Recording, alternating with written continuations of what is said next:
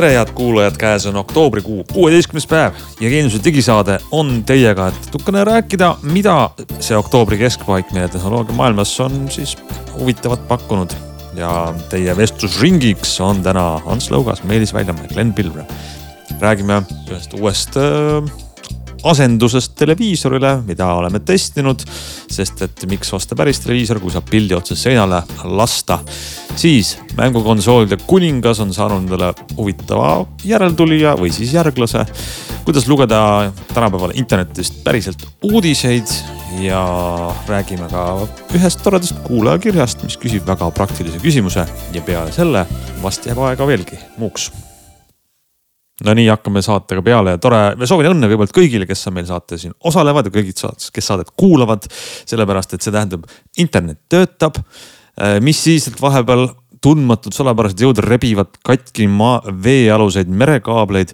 möödas on need ajad, kus ähm,, ma ei tea, kas te veel mäletate ja kuulajad, mõned mäletavad, mõned võib-olla polnud sündinudki, kui üks kopamees Hiiumaal lajatas valesse kohta ja meie välisühendus Rootsiga katkes ja kogu Eesti internet oli ainult hot.ee või mida iganes meil siin Eestis pakkuda oli. nüüd enam nii ei ole, et Elisa varukaabel purunes äh, meile praegu teadaolemata põhjustel aga nagu näete, internet pole kunagi Eestis kiirem olnud, selles mõttes on meil varustuskindlus võrguühendusega hästi. ja muide, sellegipoolest on see veel üks põhjus, miks paljud inimesed mõtlevad, et ma ostan endale koju internetiühenduseks satelliidi. Äh, siis Starlinkilt näiteks või mujalt. millel on omad probleemid.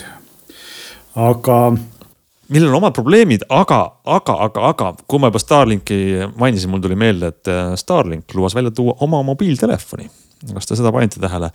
Äh, see oli vist nüüd viimasel nädalal, Starlinki telefon peaks varsti jõudma turule, et siis on telefon, millel on globaalne levi, kui te olete äh, satelliidilevi alas. ja iseenesest on minu arust täiesti loogiline jätk sellel Starlinki teenusarendusel, eks ole. mina nägin vahepeal, kui ma sama teemat korraks jätkan, siis äh, üks näide sellest, kuidas tehnoloogia areneb, mis puutub meie internetiühendusi, siis eh, on olemas selline standard nagu DOCSIS, mida Eestis vist keegi enam ei kasuta, mis on siis tegelikult kaabel interneti standard. Eh, ehk see internet, mis tuleb tuppa üle nii-öelda klassikalise antennikaabel, mitte selle keerupaari. vanasti pakkusid seda Starmani, mis praegu pakub Starmani õigus, õigusjärglane Elisa mingil määral ja siis, siis ka STV ja muud sellised ja Comcast USA-s suur operaator testib praegu DOCSIS neli ähm, tehnoloogiat ja ta lubab, et, et tõenäoliselt nad suudavad hakata pakkuma üle selle vastkaabli, antennikaabli kaks gigabitti sekundis sümmeetrilist. Ehk siis nii üles kui alla. Ma mäletan seda, et Starman kunagi ütles, et üle DOCSIS ei ole, ma mäletan, alguses oli kaks, üle kahekümne mega ei ole võimalik, pärast olid üle saja mega ei ole võimalik. ja ka siis olid nii, et allalaadimiskiirused olid okeid, aga üles olid aeglased ehk siis näitab tegelikult seda, kui, kui palju me saame oma vanadest kaablitest tegelikult välja pigistada, kui me paneme sinna otsa uue tehnoloogia.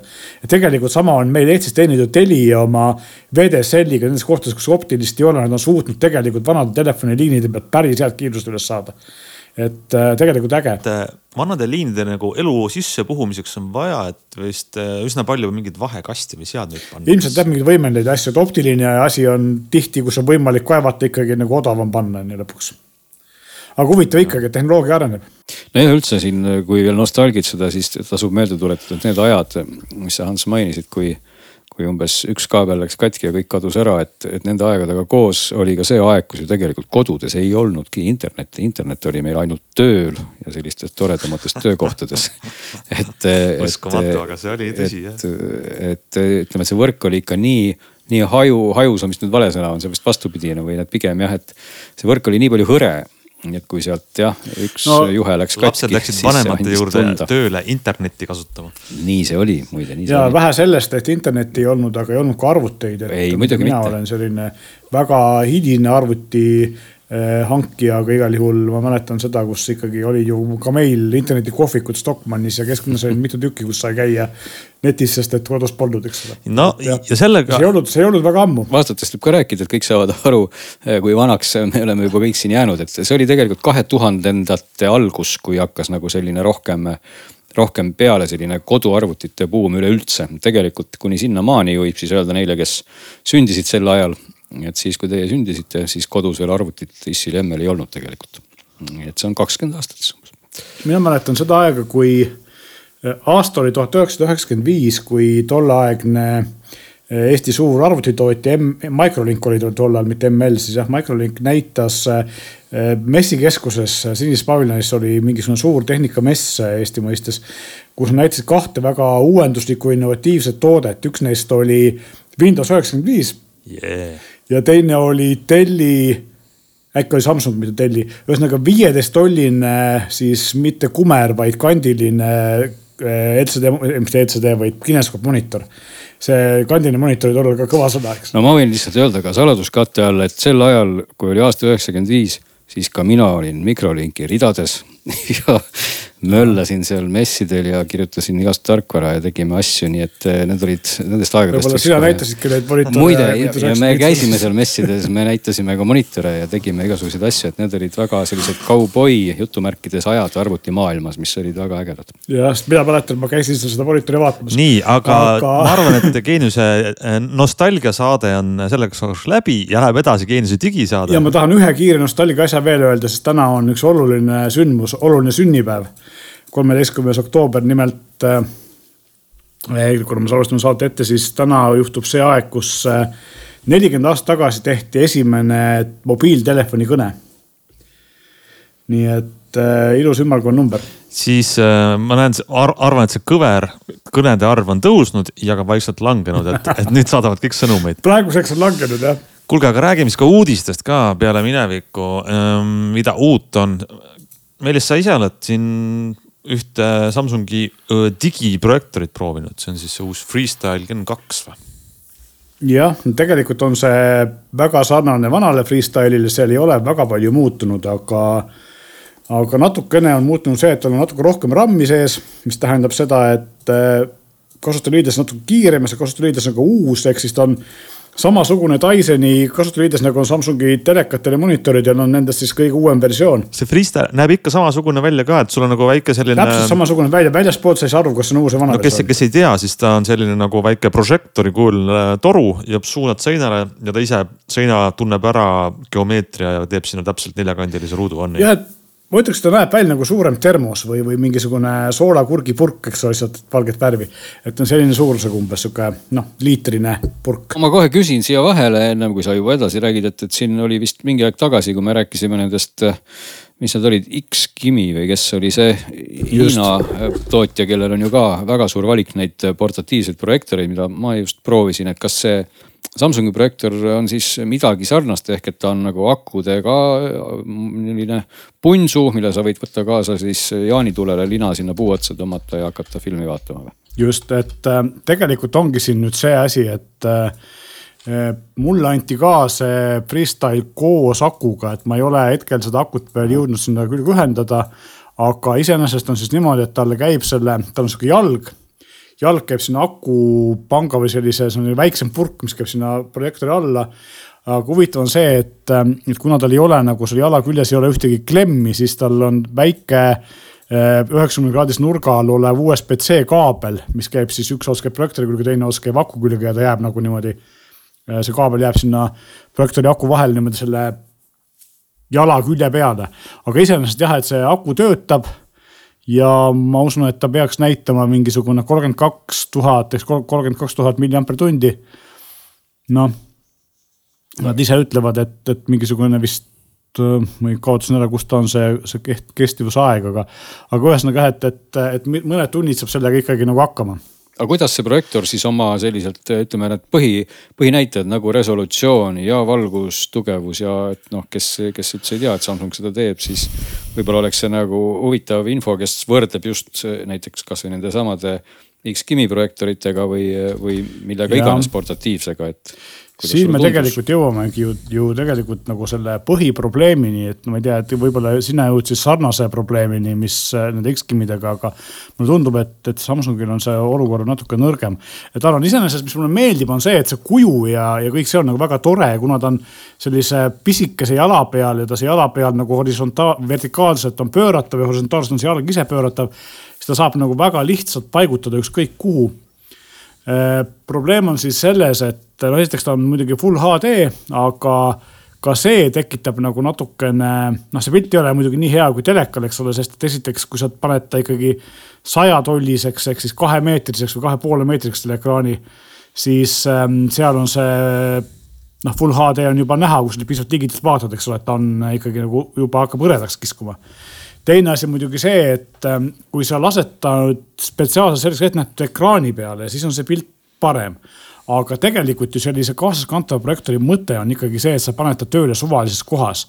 ja noh, nagu ikka enamus korteritel, meil on ka siin samamoodi on selline krohvitud äh, helesein, eks ole.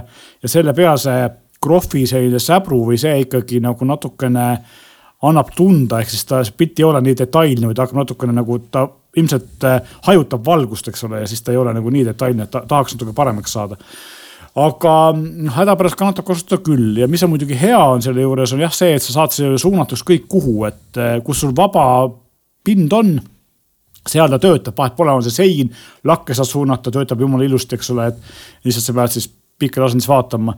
ja Samsung ise nagu reklaamib seda ka niimoodi, et kuskil lastetoas, kus lapsed peavad mingit sünnipäevapidu, et siis suunatakse lakke ja siis seal on mingisugune selline värv, värvimuusika, eks ole. aga jah, et, et põhiline probleem on selles, et tal on kakssada kolmkümmend luumenit, mis on tegelikult ikkagi väga vähe. see on ikka väga vähe, ma just, jah, ma tahtsingi seda just öelda, ise... et, et nii ja, ja ma tahtsingi seda vahele just segada, et, et, et kas et on mingi. põhimõtteliselt on niimoodi, et, et, et seda projektorit on võimalik kasutada ainult siis, kui tuba on pime kui sa paned tule põlema, siis on korras, noh, siis on täiesti pilt on udune või selline noh, washed out on inglise keeles, ma ei tea, kuidas ta eesti keeles on siis sihuke hägune, eks ole, et. ehk et, siis suveõhtutel nagu väga kasutada ei no, saa? ainult siis, kui on päris pime jah, et, et ma sellepärast ma imestangi, et, et mille jaoks aku on, et sa pead ikkagi nagu kui sa välja selle kuhugi viid ja akuga tööle paned, sa pead ta panema tööle ikkagi pimedas, eks ole aga kui tuleb kustus siis töötab täitsa hästi ja noh, Youtube'i ja Netflixi kõike ta mängib. mis on positiivne, on nagu kolm asja, et eks see, mida, mida Samsung on teinud automaatikaga, et sa, Glen, oskad öelda, mida konkurendid on teinud, mina ei ole konkurente kasutanud. esiteks on see, et tal on automaatne fookus, mis töötab päris hästi, ta laseb mm. sinna sellise, äh, sellised nurgad valged ja selle järgi ta fokusseerib ennast, töötab ülihästi, ehk siis ma ei pea midagi käsitsi kruttima teiseks on see, et tal on auto keystone ehk siis äh, nurga, ma saan enam-vähem täpselt paika ja kui päris automaatselt ei saa, siis ma saan käsitsi natuke parandada ja saan nagu üsna hästi paika. ehk siis ma ei pea teda otse laskma kuskil seina peale või lakke, vaid ma saan ta paigutada nurga all, kui mul mujale peale panna, eks ole mm. -hmm ja kolmas asi on siis see, et tegelikult ta suudab mingil määral korrigeerida värve kuigi seal tuleb ka natuke käsitsi seadistada, päris heaks ei saa, aga ikkagi, et kui sul on, noh, kellelgi ei ole tegelikult päris valged seinad, et su sein on reeglina beež või helehall või kollakas või mingi selline. ja nende peal ta suudab näidata täiesti okeid pilti, loomulikult mitte siis äh, teleri tasemel värvi õig õiglusega või kvaliteediga, eriti kui me räägime siin Oledi värvidest, siis need on nagu hoopis teine teema, eks ole. aga ajutiselt vaatamiseks või lihtsaks vaatamiseks nendele, kellel ei ole võimalik või ei saa või ei taha panna kuhugi telekat, magamistuppa, lastetuppa ja minu arust kõige olulisem asi või kõige parem selle asja juures on, on suvila. ehk siis, äh, kui sa võtad ta suveks kaasa mõneks nädalaks, ei taha sinna jätta telekat, eks ole, telekat peab tassima ka. viskad selle omale kotti ja võtab väga vähe ruumi ja teeb su teleka asjad ära. ja loomulikult, kuna ta on see Dyson ja wifi, siis sul tegelikult ei ole ju vaja mingeid pulkasid ega asju paned sealt tööle oma Netflixi või Elisa elamuse või Go3-e, vaatad telekanaleid, mida iganes, eks ole, Youtube'i. ja selle jaoks on ta väga hea, noh probleemiks on hind, et ikkagi maksab sinna tuhande euro kanti ja vaata, kas ma näen seda uue versiooni hinda, vanem versioon Ka, on natukene odavamaks läinud, jah. kaheksasada eurot ma vaatan. no siin ikkagi tahaks nüüd öelda küll, et kui me nüüd otseselt midagi võrdle, siis ikkagi see, seesama Ximi, eks ole, või Xkimi teeb ikkagi elu nagu projektorite maastikul keeruliseks, sest et noh, nendel need portatiivsed projektorid on neljasajase Eh, heledusega nelisada luumenit ja, ja siis noh, mis läheb sinna koduprojektori sarja, see on lausa tuhat viissada. ja ma mäletan, et kui mm -hmm. ma mhm. kõrvutasin nagu nad olid mõlemad full HD-d, nii see nelisada kui ka tuhat viissada. siis tegelikult ikkagi väga suure pildi kvaliteedi vahe annab see suurem heledus just nimelt, see teeb nagu selle pikseli kontrasti või punkti kontrasti nii palju paremaks. ja, ja kui vaadata ka hindu, siis tuleb ju tunnistada, et, et X-Kimi need portatiivsed projektorid on ikkagi seal, kui ma ei eksi, kusagil viiesaja kandis ja, ma... ja, ja noh, need suuremad siis tuhat pluss, et et see konkurents on, on üsna tihe ja muidugi teine asi, mida tahaks ka veel küsida, mida sa ei ole puudutanud, me jäime nüüd siia heledustesse nagu kinni, et kas see projektor iseenesest on ka nagu selline nutiseade, et need X-Kimi omad olid ju nagu täisväärtuslikud Android seadmed, eks ole, et sa ühendasid selle koduvõrku ja. sellepärast enne rääkisingi, et ta on Dysoniga, eks ta on täpselt samasugune nagu Samsungi nutiteler. ja, ja., et, et, et tal ei ole ikkagi ja. Androidi, vaid tal on siis Dysoni põhiline. Androidi ei ole. just, aga noh, kõik enamik äppe on olemas, eks ole, et selles mõttes ka veebibrauser on mm. olemas.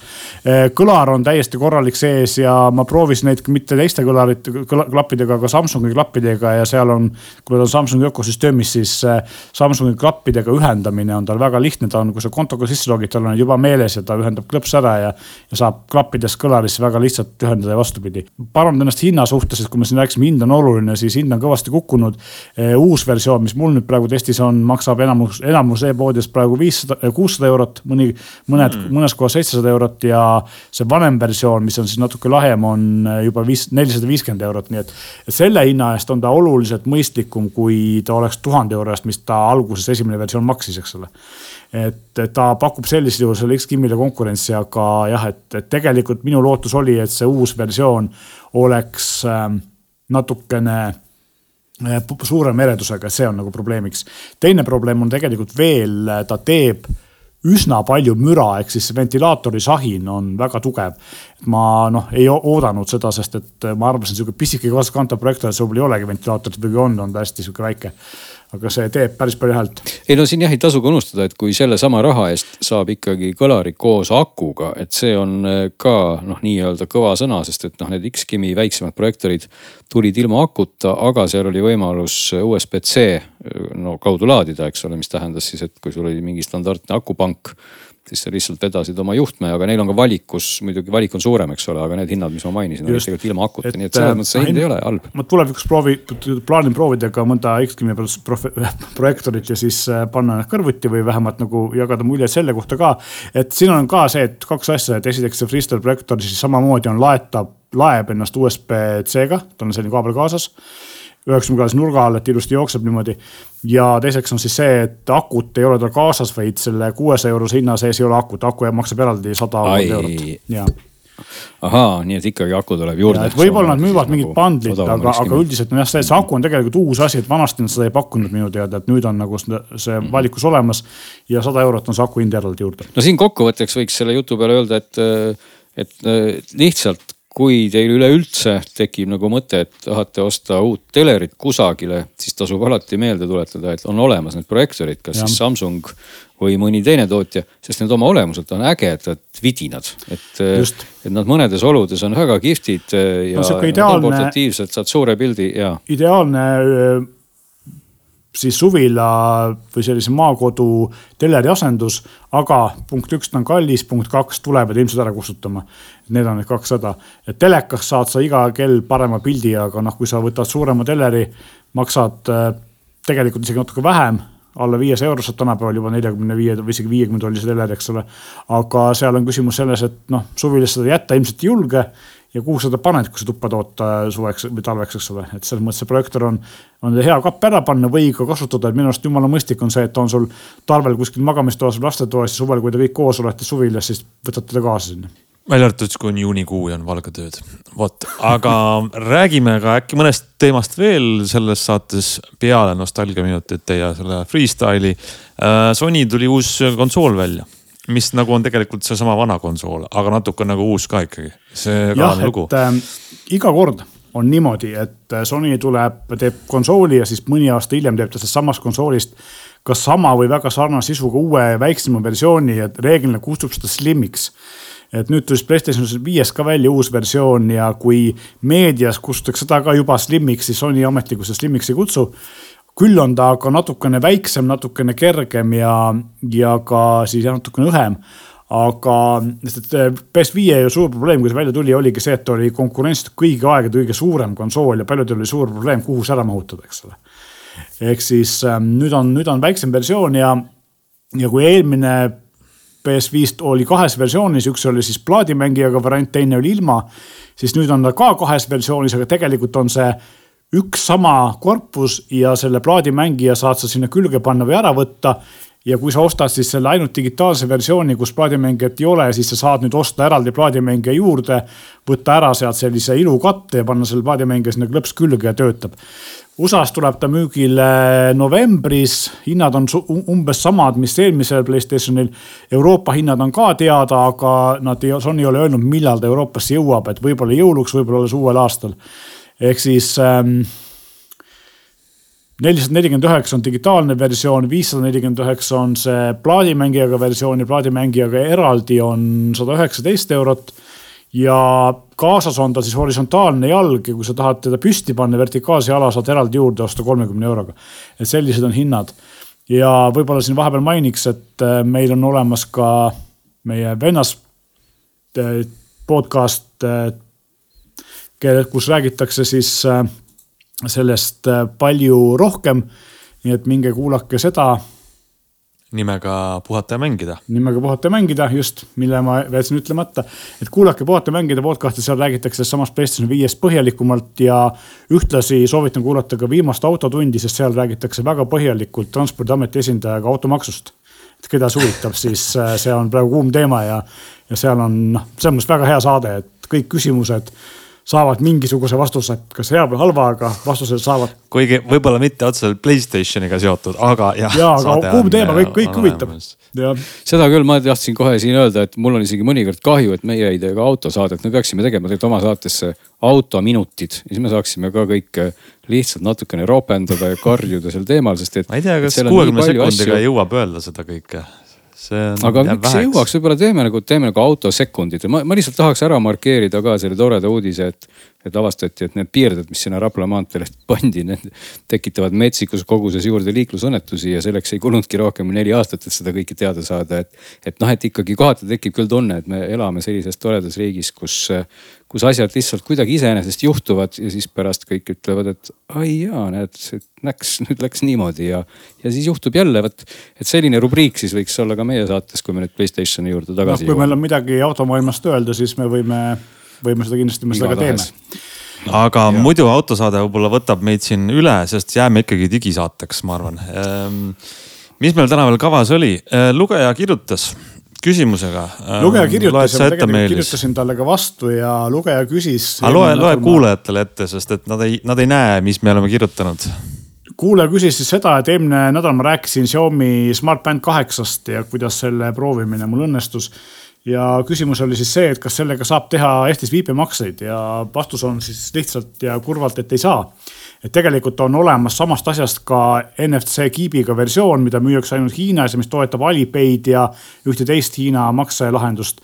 Euroopa versioonis seda NFC kiipi ei ole või kui see on ka tegelikult see füüsiliselt sees, siis see on ilmselgelt tarkvara poolt kinni keeratud, sest et tarkvara versioonid Euroopas ja Hiinas on väga erinevad ja ma tean, et sam-, et minu teada Eesti pankadest ainsana Swedbank toetab ametlikult Xiaomi Pay'd küll, aga jah, kuna Nii. Xiaomi Euroopas seda ei paku, seda konkreetset NFC-ga versiooni, siis seda Eestis kasutada praegu ei saa oota, aga kus et, siis Swedbank Xiaomi Pay'd toetab või mis seadmes? tead, ma ei oska öelda, mis seadmetel, äkki oli sellel vanal kellal, mis on see mm, Watch Pro üks, äkki sellel oli, mingit lastel peab olema olnud, et ma isegi jään sellele praegu mm. vastuse võlgu. ma tean, et nüüd on olemas äh, Xiaomi Watch Pro kaks, aga sellel on Wear OS peal, nii et sellel on kohe Google Pay ja sellel ei ole seda vaja. no igatahes selle hea ja soodsa randmevõruga siis maksta veel ei saa. aga ma ütleks, et, et noh, arvestades hinda, siis tegelikult pole siin midagi imestada ja võib-olla ei ole ka väga suur kaotus. Äh, vanasti sai kasutada Fitbiti, ilmselt saab siiamaani Äh, Bitbiti kallimaid aktiivsusmonitore, nendel oli olemas Bitbit Pay ja vist uuel on äkki isegi Google Pay juba olemas. aga loomulikult äh, nende hinnad on üle saja euro, nii et hinnavahe on suur. nii, siis äh, veel kogemusi ähm Artefacti äpist võiksime rääkida natukene. tegelikult ei ole see tegu uudse asjaga. Mm, võib-olla ma nüüd puusalt pakun, see tuli välja kevadel või talvel või isegi eelmise aasta lõpus.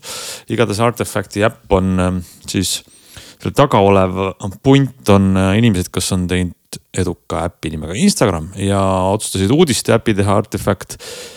ja mm, ma saan aru, Meelis on seda natuke proovinud ja mina ise olen Artefacti peale jäänud võib-olla siin kuus kuud või, või pool aastat on jäänud tiksuma ehm, Artifacti sisu on see, et noh, et kust te ikka uudiseid loete, tänapäeval tavaliselt inimesed käivad kas mõnda lemmikportaali skännimas või sotsiaalmeedias.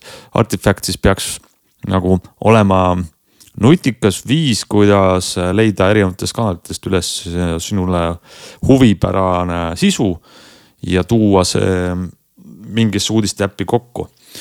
ja ma pean ütlema, et mm, oma sellise ma, ma ei ole kindlasti mm, igahommikune selle artifact'i lugeja, aga midagi nad teevad väga õigesti.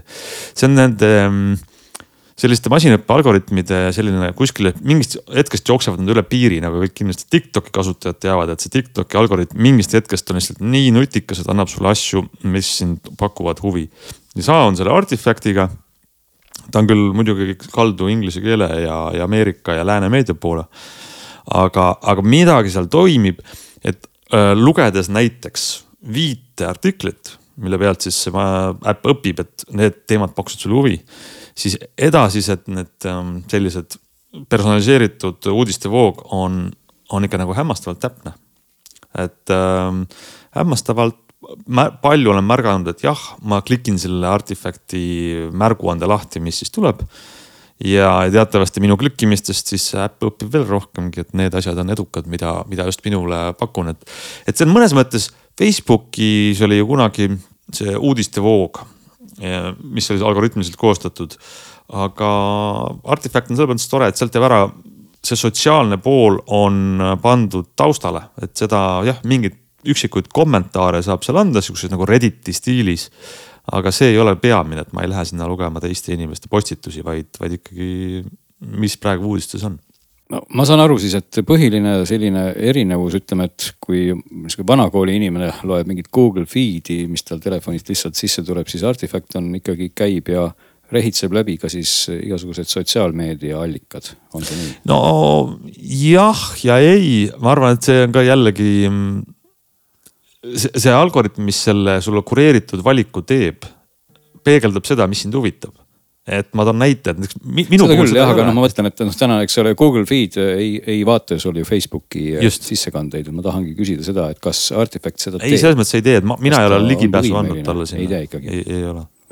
aga kui sa annaksid ligipääsu, kas ta siis teeb seda äh,? ma ei usugi. see iseenesest võiks ju olla päris huvitav, et sa ei pea, sa ei pea tegelikult võib-olla siis pea ees äh, nii-öelda ulpima selles äh, metsikus nii-öelda Tiktokide ja muude asjade nagu segapudrus, kui sul oleks mingi nutikas äpp, kes sealt võib-olla korjab välja ainult need asjad, mis tõesti võiksid. see on nagu huvitav mõte, ehk siis nagu näiteks on artefakti taolise äpi algoritm riisub koore sellest Tiktoki algoritmist või Facebooki just, algoritmist. et sa lased nagu vastast, kuule, see on päris hea mõte, sellepärast et sul on vaja lasta kaks algoritmi vastakuti ja siis selgub päris tõde.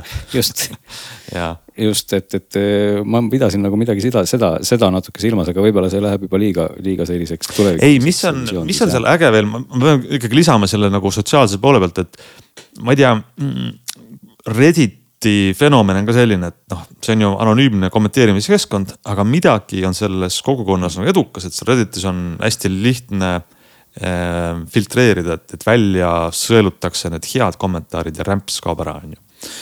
Ja, ja midagi üritab Artefact samasugust teha, et selline teiste inimeste kommentaaride hindamine on aluseks, kas sulle midagi näidatakse või ei. No teistpidi ma ütleks, kui sa juba Redditit ka mainisid, et miks võib-olla Reddit ikkagi täna ongi hea, et ta minu arvates teeb nagu vana asja uues kuues hästi, et kui me mäletame, siis äh, olid ju ajad, kus internetifoorumid olid väga nagu, nagu elujõulised. aga, aga need on kuidagi ära kustunud, sest igasugused Facebookid ja muud asjad sõitsid üle, kes, kes nagu noh, teistmoodi seda infovahetust paigutavad, aga Reddit on nagu mõnes mõttes nagu vana hea foorum. et sa oled seal tegelikult oma kasutajanimega, samas oled sa ikkagi anonüümne ja, ja teiseks on ju teemade valik metsik ja see ülesehitus on, on tõesti väga, väga hästi tehtud ja selline noh, mis iganes teemal sa saad äh, öelda sõna sekka või teemat lugeda. Ja, ja, ja see on ikkagi nagu suhteliselt noh, seal on ka reklaampostitused, on ikkagi põhimõtteliselt mm -hmm. noh, ta reklaam ei ahista sind üldse, et seal ikkagi vahel loomulikult üht-teist on, aga ta on selline väga selgelt hallatav ja tore keskkond sellisele vanakooli foorumi stiilis kasutajale ka ja sinna ongi, et see sotsiaalmeedia, üldse meedia pakkumine on, on ülikillustunud ja väga palju äppe on. ja see artefakt läheb sinna ilusti sinna prakku minu arvates. et Reddit on ikka puhtalt sihuke foorum, inimeste sisu, siis äh, Facebook või selline peavoolu sotsiaalmeedia üritab sulle luua inimeste postitustest ja kommentaaridest ja uudistest mingisuguse sellise segu. ja Artifact on siis seal vahel, kes ütleb, et meie fookuses on need nii-öelda väljaanded või artiklid, mis tulevad kuskilt väljaannetest. ja, ja sinna noh, kommenteerimisfunktsioon on sihuke Redditilt võetud. et, ähm, et ta kindlasti ei asenda neid teisi, aga ta on väga hea nišš mina kasutasin vanasti vanakooli RSS-i ja praegu ma kasutan kõige rohkem Feedlit ja proovisin nüüd ka seda artefakti. hetkel ta pakub mulle veel asju, mis mind väga ei huvita, aga ilmselt ma pean natuke rohkem trennima, ehk ma pean rohkem lugema ja siis ta läheb ilmselt paremaks, et. Feed'i puhul on see, et ta näitab mulle kronoloogilises järjekorras neid asju, mis mind huvitab, aga, aga seal on probleemiks see, et väga noh, võimalused neid asju täpselt oma maitse järgi tuunida on pandud maksumüüri taha, eks ole, et eh, nii-öelda vaikimisi ta on kasutatav, aga sa ei saa teha päris nagu täpselt oma maitse järgi asju. Sa küll saad jälgida, et jah, ma tahan neid väljaandeid enda feed'i saada, seda sa saad. aga siis, et kui ma tahan neid kategoriseerida kuidagi või midagi muud sellist teha, siis see on kõik nagu tasuline. et ma nüüd üritangi aru saada, kas artefakt on nagu parem alternatiiv feed'ist, et võib-olla on, aga võib-olla mingi hetkel jõuan sinna, hetkel, hetkel veel mitte tahab, vajab ilmselt natuke rohkem kasutamisest aru saada. aga ma küsin ikkagi siia ka rumala küsimuse kuulaja rollist, et, et kas Google Feed on siis midagi analoogset, kas ta konkureerib sellega, et ikkagi väga paljudel inimestel, kellel on ju täna Android telefonid, Google Feed tuleb ju ühe näpuviipega sulle igal juhul. ja, ja see on, see on nagu üks esimesi asju, mille mina näiteks endale välja lülitan. Nonii ja, ja teiseks on see, et kaks, mitu põhjust on seal, aga muideks Google Feed'i kohta on see hea uudis, et Google Feed on nüüd olemas ka eesti keeles. ehk siis, kui sul on eestikeelse eh, kasutusüldisega telefon, siis ta oskab eh, nüüd sulle anda eestikeelseid uudiseid, vanasti ta andis küll ERR ja ka ingliskeelse näiteks, eks ole. aga kaks asja, mis Google Feed'i puhul on see, et ta Google'i jah, üks hea omadus on see, et ta tegelikult oskab, saab aru, mis mind huvitab. ehk siis. väga hästi muidu, ta saab väga hästi aru. aga mis mulle Google Feed'i puhul ei meeldi on see, et minu arust on hästi aeglane, ehk siis päris tihti tulevad Google Feed'i uudised kolme või viiepäevase viivitusega, selleks ajaks on see juba vana uudis ja, ja see nagu on, ma tahaks uuemaid asju. see on see, mis, mis minul selle juures ei meeldi, et, et Feed'is ma saan nii kui niipea kui mõni, ma ei tea, geenius või, või ma ei tea, Wordis või keegi paneb üles uue artikli, siis feed'isse ilmub see momentaalselt, eks ole, ma saan seda kohe näha. Google'i feed'i võib no. ilmuda siis, kui see on muutunud populaarseks viis päeva hiljem. seda küll jah, aga noh, see ongi võib-olla nagu selline sinu professionaalse kretinismi probleem, et tegelikult sa oled jah, tavaline just. inimene, kes lihtsalt tahaks saada huvitavat sisu, siis ma julgeks küll väita, et, et Google nopib tegelikult üles väga asjakohaseid asju. tõsi, nad on mõnikord lausa nädal vanad või mõnikord isegi rohkem vanad. aga, aga nad on sellegipoolest kohati väga huvitavad ja ta teeb ikkagi ka seda, seda rehitsustööd ka väga hästi üle eestikeelse meedia ka. ei, seda küll ja. eeldusel, et sul on see asi ikkagi eestikeelse, sest minul on kõik telefonid ja menüüd ingliskeelsed ja mina siit eestikeelseid asju väga vähe näen no vaat ja see on teine koht, teine koht, kus võib-olla sa lihtsalt tahad teha oma elu ingliskeelseks, et mitte öelda keeruliseks. ja sest, et paljud asjad ei tööta eestikeelsena, näiteks Google Assistant normaalselt ei tööta, kui mul on menüü eestikeelne. seda küll jah, seda ta ei tee. seal on probleeme, aga üks asi on see, võib-olla sihuke väike tipp või paljud kindlasti teavad, aga võib-olla mõned ei tea. et minul on see Google Feed siis, kui ma tõmban näpuga nii-öelda telefoni ekraani peal vasakult paremale kuhu ta ilmub vaikimisi välja lülitatud, ma kasutan tegelikult ka Microsofti launcher'it, mis äh, mul on siin all hoopis nagu minu oma kalender ja muud asjad pandud vasakule poole. aga ma saan selle kätte niimoodi väga lihtsalt, et mul on nagu paljudel Androidiga telefonidel on mul siin ekraani all osas kohe see prominentselt see Google'i otsingukast, eks ole. ja kui ma selles kastis vajutan siia G tähe peale, siis on see feed mul kohe klõps ees hästi kiiresti. nii et, et sama kiiresti saab ilma seda vasakul pool hoidmata ka selle aktiveerida. ja võib-olla siis lõpetuseks, kas meil on veel midagi uudiseid, ma tean, Meelis, sina ennem ütlesid, et nüüd suurim uudis eelmisest nädalast, mis sulle nagu tundus, on kõige tähtsam, on see, et Microsoft sai lõpuks kinnituse, et nad said ära osta Activisioni äh, mängukompanii Äh, miks, miks see on nii tähtis või miks see, see on, on oluline? see tähendab tulevikus päris mitmeid asju, aga põhiline on see, et see on väga kaua veninud, see on üks maailma kõigi aegade üks suurimaid oste, see on vist kaheksakümmend miljardit dollarit, kui mu mälu mind ei peta. seitsmekümne, kaheksakümne vahel ta oli. ja seda on ikkagi siin nämmutatud edasi-tagasi ja küll on seda ära keelatud, siis on seda lubatud ja see on mingi järgmine riik selle ära keelanud ja. nüüd nad said nii ameeriklaste kui inglastega kokkuleppel ja tegid mõningaid muudatusi ja seal tegelikult selle taga võib olla peidus nii terve Microsofti mängumaailma tulevik kui ka meie konsoolimängude tulevik ja see võib olla nii väga halvaks kui ka väga heaks pretsedendiks äh, igasugusele konkurentsivõimelise võime, võime, võimele mängude tootjate puhul. ja see on tegelikult väga suur, äh, väga suurte selliste potentsiaalsete mõjudega mängumaailmale uudis nii heas kui halvas mõttes Ehm, praegu ma ei oska veel täpselt nagu niimoodi öelda, mida see tähendab, aga samamoodi ma soovitan soojalt ilmselt, ma ei tea, kas see nii saab olema, aga ma eeldan, et see nii saab olema, et järgmise nädala puhata ja mängida saates räägivad poisid sellest kindlasti väga täpselt, nendel on see arusaam sellest palju parem kui minul no kas võib-olla, et Xbox'i omanikele või Xbox'i leeris olevale inimestele läheb elu paremaks, sest paari. rohkem mänge jah, ja Playstationi leeris olevatel inimestel võib minna kehvemaks, sest vähem mänge. kuigi mm üks nendest Microsofti Äh, diili siis ähm, heakskiitmise eeldustest oligi see, et nad lubasid, et nad nagu väga nõmedaks ei muutu ja ikkagi jagavad teistega ka oma mänge. jätame meelde.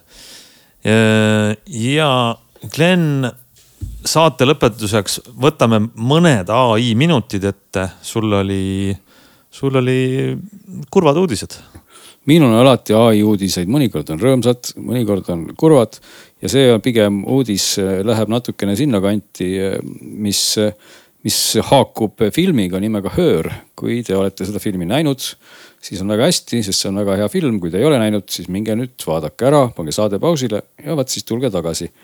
Et see film tehti juba umbes kümme aastat tagasi ja, ja räägib siis sellisest tehisintellektsest sõbrast või sõbrannast, kes on sul opsüsteemina kusagil arvutis ja sinuga suhtleb meela häälega, kes siis filmis oli Scarlett Johanson. ja saab aru sinu muredest, rõõmudest ja hoiab sul siis jutumärkides kätt ja noh, tekitab siis heas või halvas mõttes suhtluse või, või sõltuvuse. ja tegelikult täna selliseid kaaslaseid juba ju peaaegu on, noh küll päris mitte võib-olla nii sensuaalse häälega, aga sisuliselt on nad olemas. ja lihtsalt üks nendest pani nüüd uksed kinni, ta ei olnud kõige suurem, ta ei olnud nii suur nagu Replika ehk et Replika oli see kõige kuulsam, kes siis tegi kevadel või siin talve hakul suuri muutusi ja paljud pahased kasutajad läksid sealt ära. ja sellega seoses tekkis ka palju uusi tegijaid, kes siis üritasid neid keskkondi luua, üks nendest oli Soulmate ja Soulmate oli siis, sai päris ruttu nagu tuule tiibadesse ja väga meeldis see kasutajatele, neid ikkagi sinna tuhandetes lisandus ja olid väga suured plaanid, nad müüsid aasta tellimusena oma keskkonda, see maksis kuuskümmend eurot, kui ma ei eksi. ja, ja väga palju oli neid inimesi, kes ka need aasta tellimused võtsid ja olid kõige sellega väga rahul, mis seal toimus umbes kolm kuni neli kuud. Ja siis nüüd suhteliselt ootamatult äh, kadus sealt äkki see arendajatepoolne vestlus ära nendest Redditi ja Discordi gruppidest ja Öeldi, et nüüd on asi nii, et pakkige oma asjad kokku, et teie virtuaalne soulmate paneb uksed kinni. Ja, ja see ikkagi noh, võib-olla oli siis ütleme torm väikses veeklaasis, aga see näitab ikkagi väga hästi seda, et, et olid kümned, et mitte öelda sajad inimesed, kes olid ikkagi täiesti noh, kuidas ma ütlen siis südamurtud sest et see oli nende kaaslane siis, kelle jaoks sõber, kelle jaoks midagi veel rohkemat. kes oli noh, põhimõtteliselt samamoodi emotsionaalselt olemas, nagu meil siis on täna päris kaaslased. et ilmselt inimeste jaoks, kes võib-olla ei kujuta seda hästi ette, võibki siis mõelda piltlikult nii, et kui teil on päris kaaslane ja teil on tema vastu mingid tunded ja kui see ühel päeval teilt ära võetakse. vot siis samamoodi mõjus see nendele inimestele ja panigi see keskkond uksed kinni. kas see ei ole nagu tarbija, tarbijakaitse kaasus või? selles mõttes, et eh, noh, inimesed on maksnud millegi eest ja siis teenus no, järsku võetakse ära. teenus võetakse ära, maksmisega oli nüüd selline lugu, tuleb tunnistada, et, et see firma, kes siis omandas selle üksuse, kes oli selle Salmedi taga. küll oli nii palju soliidne, et maksis ikkagi eh, enamikele, noh, ma ei saa väita kõigi eest loomulikult, aga ikkagi ka neid refund'e tagasi. nii et selles mõttes sellise otsese skämmiga ei olnud nüüd tegu, et, et võib-olla arendajatel olid väga head plaanid alguses ja, ja lihtsalt läks see asi nagu vett vedama erinevatel põhjustel, et rahaliselt tegelikult ei kaotanud inimesed tõenäoliselt palju, aga kaotasid palju just nimelt emotsionaalselt, et. aga milles see pigem... põhjus oli, vabandust, kas, milles oli põhjus, et nad siis see soulmate ära võeti? No ega me ei näe sinna kulisside taga, eks põhjus on ilmselt selles, et täna on tekkinud neid äh, virtuaalseid äh, sõbra, sõbranna, kaaslase programme või kuidas ma ütlen, keskkondi ju äh, noh nagu kirjusid, kir, kirjusid koeri peale vihma. et ega nende tegemine iseenesest ei ole ju keeruline, sest need keelemudelid, mis on meil suurelt kättesaadavad, noh kõige kuulsam nendest chat GPT. OpenAI pakub ju sedasama teenust siis kellele iganes tasulisena, eks ole, sa maksad oma nende token'ite eest, saad ise neid prompte serveerida. ja kõik need kaaslased tegelikult täna ikkagi ka noh, väga paljud baseeruvadki OpenAI-l. mõned baseeruvad mõnel teisel suurel keelemudelil, palju neid on, aga neid Just. ei ole täna lõputul hulgal, et tegelikult nagu see idee seal taga on ikkagi see, et, et selle teenusepakkuja piltlikult vormib selle kaaslase sinu jaoks nende promptide abil, seal all töötab see suur keelemudel, kellele siis tema omakorda maksab selle kasutamise eest. aga Soulmate lihtsalt siis, ei pidanud äris vastu. ilmselt ta ei pidanud äris vastu, aga mida võib öelda tema nagu noh, kurvaks kaitseks oli tõesti see, et hoolimata sellest, et ka väidetavalt tema baseerus ikkagi GPT kolmel oli ta tõesti üks parimaid omasuguste seas, et ma olen neid erinevaid nagu ka proovinud võrrelda ja, ja vaadata täpselt, kuidas siis nad reageerivad, mida nad teevad, kuidas nad sinu jaoks olemas on. et ta oli nagu tõesti hea, et, et seda enam on see, on see nagu kummaline jah, et nad ei pidanud selles, selles nagu karmis võitluses vastu, et võib-olla ei saanud seda raha siis nii palju sinna peale tõsta, eks ole. aga ma tahaks just sellega, noh, kui sa mainisid siin tarbijakaitset, tahaks just sellega öeldagi, et et see on omamoodi kummaline maailm või kummaline valdkond, kuhu me oleme astumas, et kui, kui teil lihtsalt ühel päeval võib-olla kaob ära, noh, ma ei tea, Google Feed, eks ole.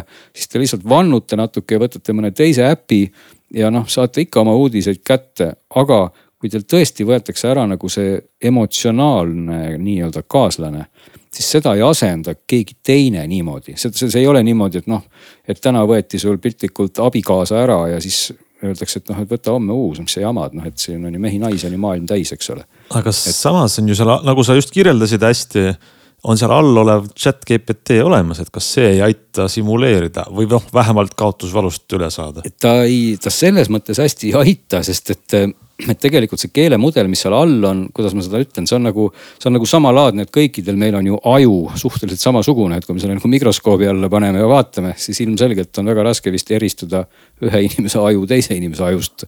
aga millegipärast see jutt ja mõtted, mis sealt välja tulevad, on piisavalt erinevad.